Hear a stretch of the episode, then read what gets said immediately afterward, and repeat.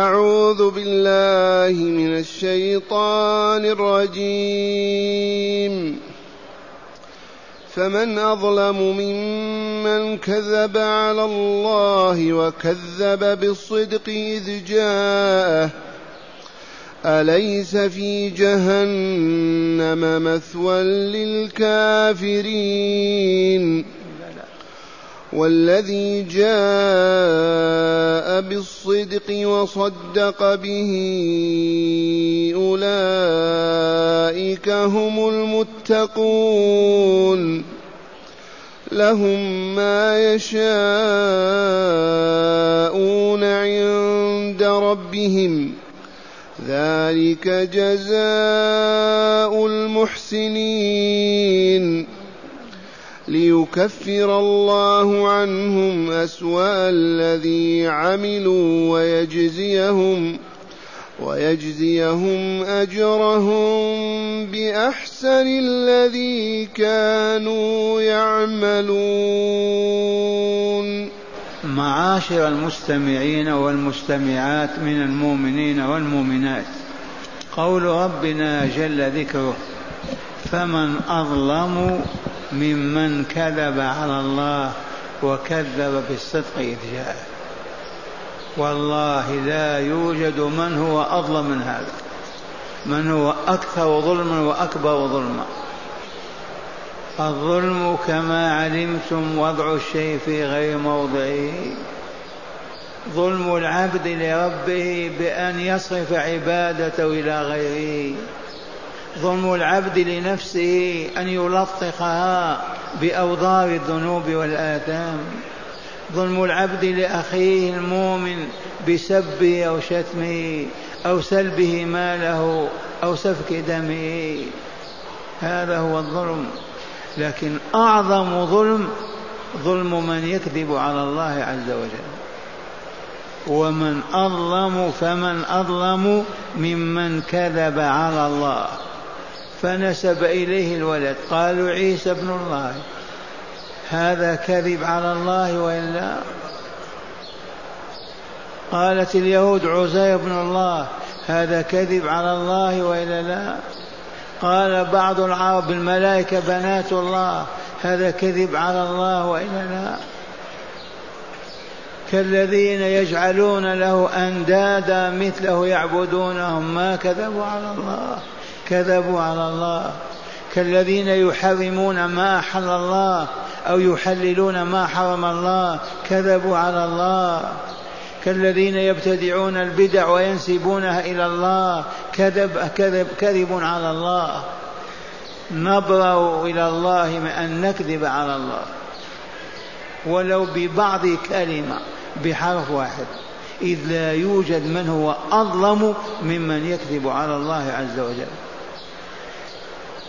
فلهذا لا نقول على الله إلا ما علمنا أنه لله. لا نحلل ولا نحرم ولا نأمر ولا ننهى ولا نعطي ولا نأخذ ولا ننسب إلى الله إلا ما صحت نسبته إلى الله. فقط حتى نخرج من هذه الطامة الكبرى. إذ يقول تعالى فمن أظلم ممن كذب على الله. هذا أولا. وثانيا وكذب بالصدق إذ جاء. والصدق هنا القرآن كلام الرحمن تنزيل رب العالمين على رسوله صلى الله عليه وسلم. والذي يكذب بالقرآن كذب بالصدق. آمنا بالله وبلقائه آمنا بالله وبكتابه آمنا بالله ورسوله. والذي كذب بالصدق إذ جاء والآيات تتناول أولا المؤمنين الذين آمنوا على عهد رسول الله صلى الله عليه وسلم.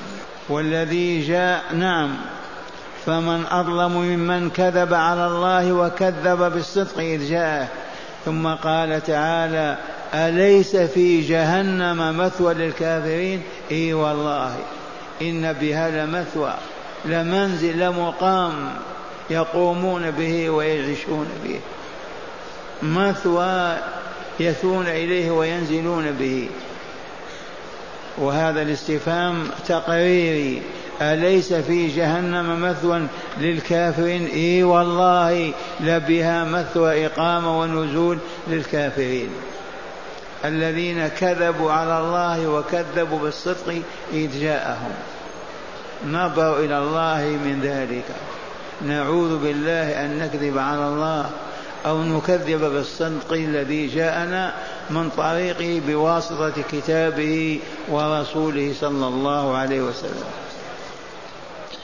أليس في جهنم مثوى إقامة للكافرين؟ إي والله موجود. يعيشون فيها بلايين السنين. هؤلاء هم الكافرون الفاجرون المكذبون لله ورسوله الكاذبون على الله ورسوله.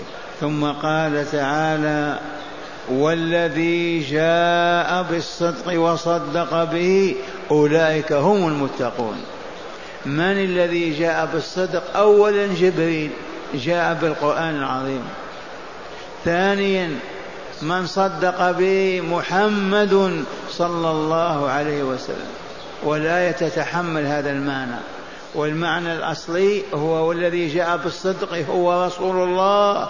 والذي صدق به أبو بكر علي أصحاب رسول الله صلى الله عليه وسلم. والذي جاء بالصدق أي بالقرآن وما فيه من الهدى من هو؟ أليس محمد صلى الله عليه وسلم؟ بلى. والذي صدق به أما هو أبو بكر وعلي وأصحاب رسول الله؟ ونحن إن شاء الله معهم صدقنا وإلا ما صدقنا. آمنا وصدقنا. هذا الخبر العظيم هذه البشرى العظيمة. والذي جاء بالصدق وصدق به أولئك هم المتقون لعذاب الله.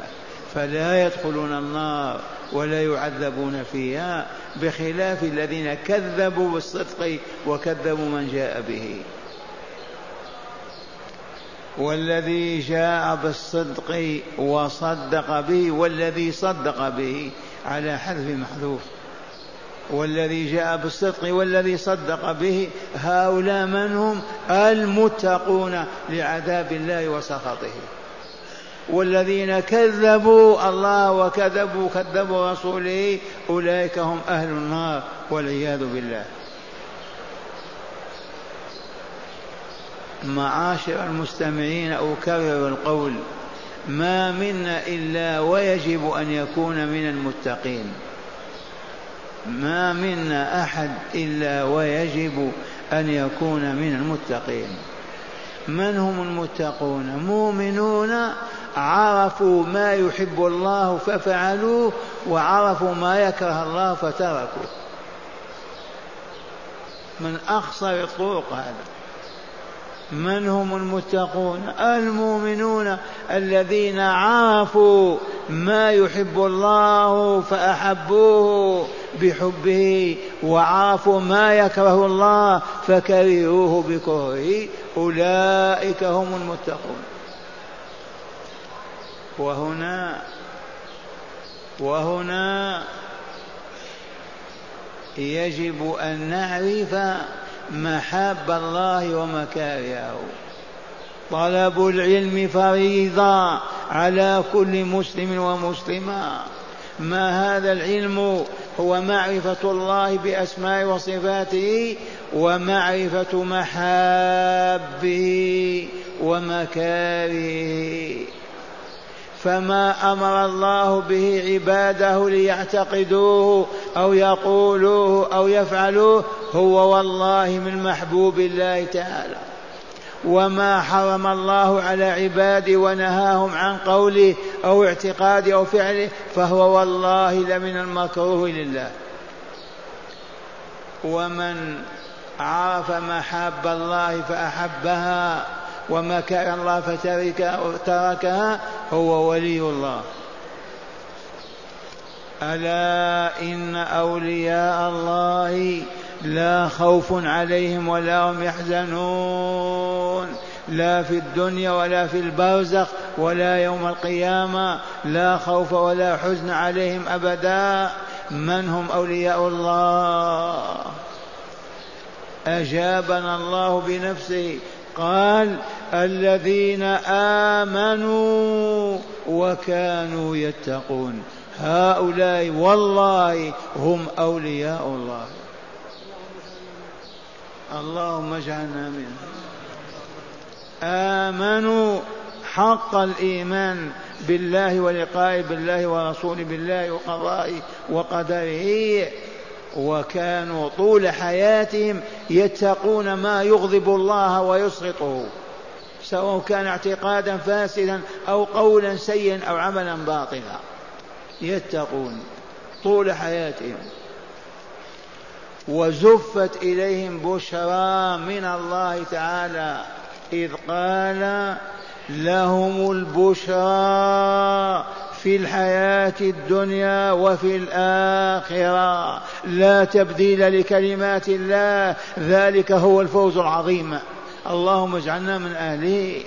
وبشر وفسر النبي صلى الله عليه وسلم البشرى التي ذكرها الله لأوليائه.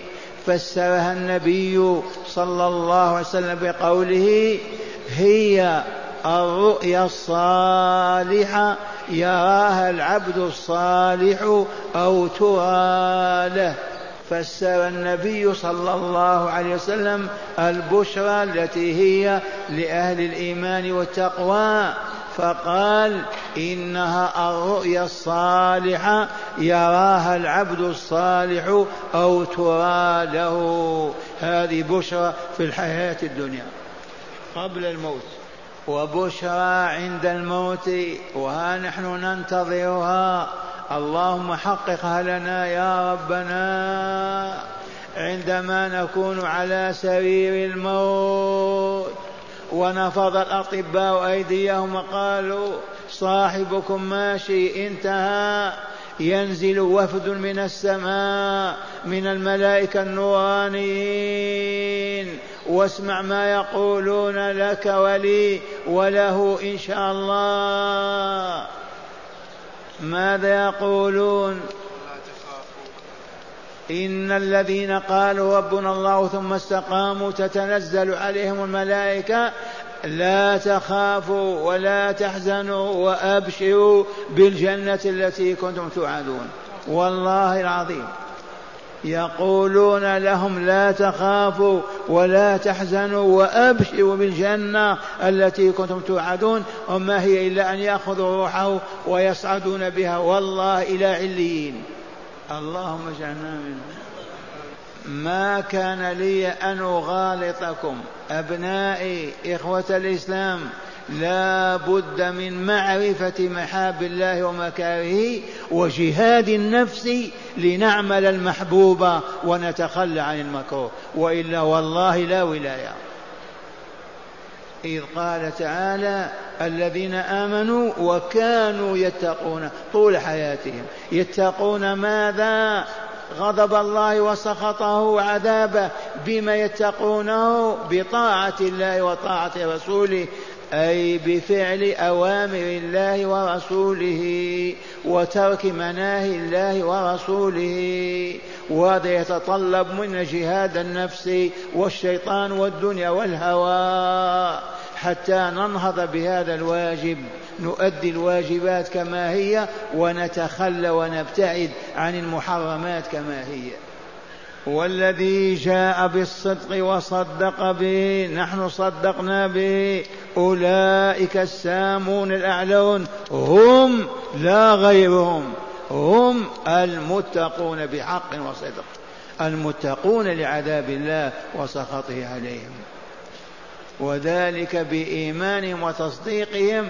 ذاك الإيمان والتصديق حملهم على أن يطلبوا العلم ويعرفوا محاب الله ومكارهه ويجاهدوا أنفسهم الدنيا والهوى والشيطان ويفعلون المحبوب لله ويتركون المكروه لله. اللهم اجعلنا منهم. ثم قال تعالى لهم ما يشاءون عند ربهم. هؤلاء المتقون لهم ما يشاءون ما يشتهون من أنواع الطعام والشراب والنكاح واللباس. قل وهناك نعيم ما خطر ببالهم ولا عرفوا اسمه ويجدونه. لهم ما يشاءون. إذا كنت في الجنة اطلب ما شئت. وقد علمنا تلك اللطيفة في سورة يونس. نعيم الجنة لما تشتهي الفاكهة الطعام الكذا ماذا تقول سبحانك اللهم. يحضر الطعام كله الذي تشتهيه. دعواهم فيها طلبهم للطعام سبحانك اللهم. تحيتهم فيها السلام. إذا أرادوا أن تنقل الصحون والقصاع والآلات من بين أيديهم يقولون الحمد لله رب العالمين. دعواهم فيها سبحانك اللهم. وتحيتهم فيها سلام. وآخر دعواهم ما هو؟ الحمد لله رب العالمين. اللهم اجعلنا منهم. وسنذكر هذا إن شاء الله يوم ما نكون مجتمعين. هناك. على الأرائك متكئون. على سور متقابلون. الإيمان والتقوى. أهل الإيمان والتقوى لهم ما يشاءون عند ربهم. ثم قال تعالى ذلك جزاء المحسنين. وهذه لفتة هذا النعيم الذي سمعتم جزاء من؟ المسيئين أو المحسنين؟ المحسنين. ذلك الذي سمعتم هو جزاء المحسنين. من هم المحسنون؟ عرب أم عجم؟ بنو هاشم بنو عثمان من؟ المحسنون. جمع محسن. من هو المحسن؟ الذي يعبد الله كأنه يرى الله. وإن عجز عن هذه المرتبة وما سمى لها يعبد الله وهو مؤمن أن الله يراه. وهذا الذي صلاته سليمة صيامه سليم حجه كامل زكاته تامة عباداته ذكره دعاءه كله سليم وصحيح لأنه يؤديه وكأنه ينظر إلى الله. وإن عجز عن هذه المرتبة السامية يؤدي ذلك العمل وهو موقن أن الله يراه فمن ثم يتقن العمل ويحسنه حتى ولو كان الوضوء. وقد بين هذا رسول الله صلى الله عليه وسلم لجبريل لما سأله عن الإسلام والإيمان سأله عن الإحسان أيضا. قال الإحسان أن تعبد الله كأنك تراه. تعبد الله بطاعته وإلا لا كيف يعبده؟ بطاعته فيما أمر به ونهى عنه وأنت كأنك ترى الله. وهذا الذي يتوضأ أو يغتسل أو يصلي أو يصوم أو يعبد الله وهو مع الله هيهات هيهات أن يعبث في صلاته أو عبادته أو ينقص منها أو يزيد فيها. يؤديها كما هي. لأنه مع الله. أن تعبد الله كأنك تراه.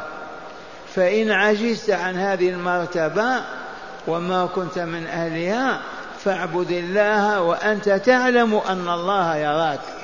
ومن كان يعمل وهو يعتقد أن الله يراه يعبث في عمله يزيد أو ينقص يغش أو يخدع الجواب لا لا أبدا.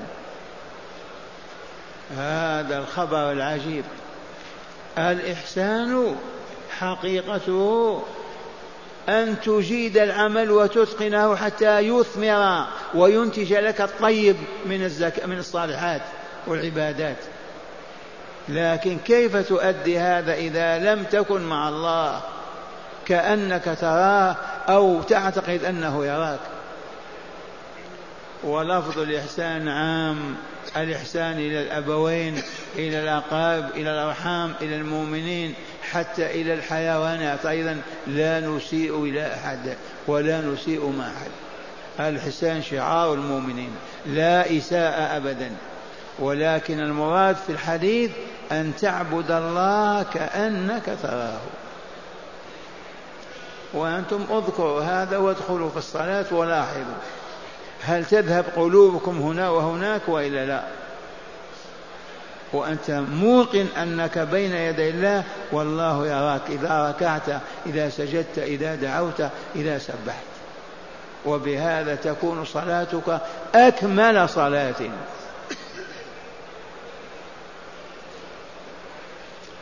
قال لهم ما يشاءون عند ربهم. ذلك جزاء المحسنين. اللهم اجعلنا منهم. ثم قال تعالى ليكفر الله عنهم أسوأ الذي عملوا. هؤلاء الذين كانوا كافرين وآمنوا كانوا مفسدين وصلحوا. كانوا مضيعين وأكملوا وأتموا. يكفر الله عنهم. أسوأ الذي عملوا. أقبح ذنب يكفره أما صغار الذنوب لا تسأل عنها. وهذا يتناول أصحاب الرسول لأنهم كانوا مشركين. كانوا كافرين. أليس كذلك؟ فلما جاء الإسلام أقبلوا عليه ودخلوا فيه إذا فهذه بشرى لهم ليكفر الله أسوأ الذي عملوا. وهذه لكل مؤمن ومؤمنة مهما عمل في فسق وفجوره إذا آمن حق الإيمان وصدق في إيمانه وعبد الله عز وجل بما شرع إلا وذنوبه تلك تكفر له ولا يطالب بها وتمحى عنه مهما كانت عظيمة. هذا من فضل الله. ليكفر الله عنهم. أسوأ أقبح الذي عملوا. ويجزيهم أجرهم بأحسن الذي كانوا يعملون. ماذا يفعل بهم؟ بذنوبهم يمحو أسوأ أو أقبح ولا يطالهم بها. أما الصغيرة لا تسأل. وحسنا وأعمالهم الصالحة يجزيهم بأحسن عمل. لا بأقل عمل أو بدون عمل بأحسنه. وهذا فضل الله علينا عظيم. هكذا يقول تعالى ليكفر الله عنهم أسوأ الذي عملوا ويجزيهم أجرهم وجزاهم بأحسن ما كان الذي كانوا يعملون. أحسن صلاة تثاب على صلاتك بها كل صلاتك. أحسن صدقة تثاب على كل صدقاتك بها. أحسن حج تعطى تحج تعطى جزاء. أحسن حج حججته على كل حججك. سبحان الله العظيم. هكذا يقول تعالى ليكفر الله عنهم أسوأ الذي عملوا ويجزيهم أجرهم بأحسن الذي كانوا يعملونه. العمل العمل هذه دار العمل. إي والله ما هي دار النوم والعبث واللهو واللعب هذه دار العمل. وسنجزى بعملنا يوم نلقى ربنا. دار عمل هذه. وهذه الحقيقة التي أكررها للزوار ليعودوا بها مقتنعين وهي أن علة هذا الوجود سر هذه الحياة أن نعبد الله فيها بذكره وشكره. والله ما هو إلا هذا. لما خلقت هذه الحياة؟ لما وجدنا فيها؟ لما لما لما؟ الجواب واحد من أجل أن نعبد الله تعالى بذكره وشكره. من أجل هذا خلقنا الله وخلق لنا هذه الحياة. الحياة الثانية بعدما نبعث من قبورنا ما سرها ما علة وجودها؟ قولوا والله ما هو إلا الجزاء فقط على عملنا في الدنيا. من كان مؤمنا صادق الإيمان عامل الصلاة الجنة. من كان مشركا كافرا فاسقا فاجرا في النار. هل تذكرون هذه الحقيقة؟ والآن مع هداية الآيات. بسم الله والحمد لله والصلاة والسلام على خير خلق الله سيدنا ونبينا محمد وعلى آله وصحبه. من هداية هذه الآيات أولا التنديد بالكذب على الله تعالى والتكذيب به وبما جاء به رسوله صلى الله عليه وسلم من الدين. التنديد بكل كذب يكذب على الله ورسوله. احذروا أن تقول قال الله والله ما قال أو حرم الله والله ما حرم أو أحل الله والله ما أحل أو شرع الله والله ما شرع. فضلا أن تقول لله ولد أو لله بنت. الكذب على الله من أقبح الذنوب وأقفاره وأسوأها. فلا نكذب على ربنا أبدا. فمن أظلم ممن كذب على الله. نعم. ثانيا بيان جزاء الكاذبين على الله ورسوله والمكذبين بما جاء به رسول الله عن الله من الشرع والدين. من هداية هذه الآيات بيان جزاء الكاذبين على الله والمكذبين. بين جزاهم ولا لا؟ في جهنم. نعم. وفي الآية إشادة بأصحاب رسول الله صلى الله عليه وسلم إذ أثبت لهم التصديق بما جاء به رسوله كما أثبت لهم التقوى والإحسان وواعدهم بالنعيم المقيم بالنعيم المقيم الذي ادخره لهم. وفي الحديث الصحيح الله الله في أصحابي الله الله في أصحابي. إياكم أن تسبوهم إياكم أن تشتموهم إياكم أن تؤذوهم. إياكم إياكم وأصحاب. أعيد ماذا قال وفي الحديث الصحيح الله الله في أصحابي. خافوا الله اتقوا الله اخشوا الله في أصحابي.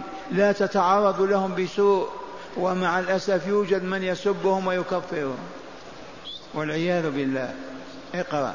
الله الله في أصحابي لا تتخذوهم غرضا بعدي فمن أحبهم فبحبي أحبهم ومن أبغضهم فببغضي أبغضهم ومن آذاهم فقد آذاني ومن آذاني فقد آذى الله ربي الله ومن آذى الله فيوشك أن يأخذه. الله أكبر. ثالثا. هذا معاشر المؤمنين والمؤمنات لا نذكر أصحاب رسول الله بسوء قط بل يجب أن نحبهم كما نحب أبناءنا وإخواننا بل أكثر من ذلك. نحبهم بحب رسول الله صلى الله عليه وسلم وبحب الله تعالى. وسمعتم ما قال الرسول في هذا. ومن هداية هذه الآيات أيضا الترغيب في الصدق في الاعتقادات والأقوال والأعمال. من هداية هذه الآيات التي تدارسناها الترغيب في الصدق وليكن الصدق شعارنا ما نعرف الكذب أبدا. دائما قولنا عملنا اعتقادنا صدق. لا كذب ولا باطل أبدا. إذ مدح الله هؤلاء والذي جاء بالصدق. نعم. وأخيرا فضل التقوى والإحسان وبيان جزائهما عند الله تعالى يوم القيامة. ومن هداية الآيات فضل التقوى والإحسان. وقد عرفنا كيف نتقي الله وعرفنا كيف نحسن. أن نعبد الله كأننا نراه حتى نؤدي العباده على الوجه الذي يحبه الله. اللهم اجعلنا من المتقين المحسنين.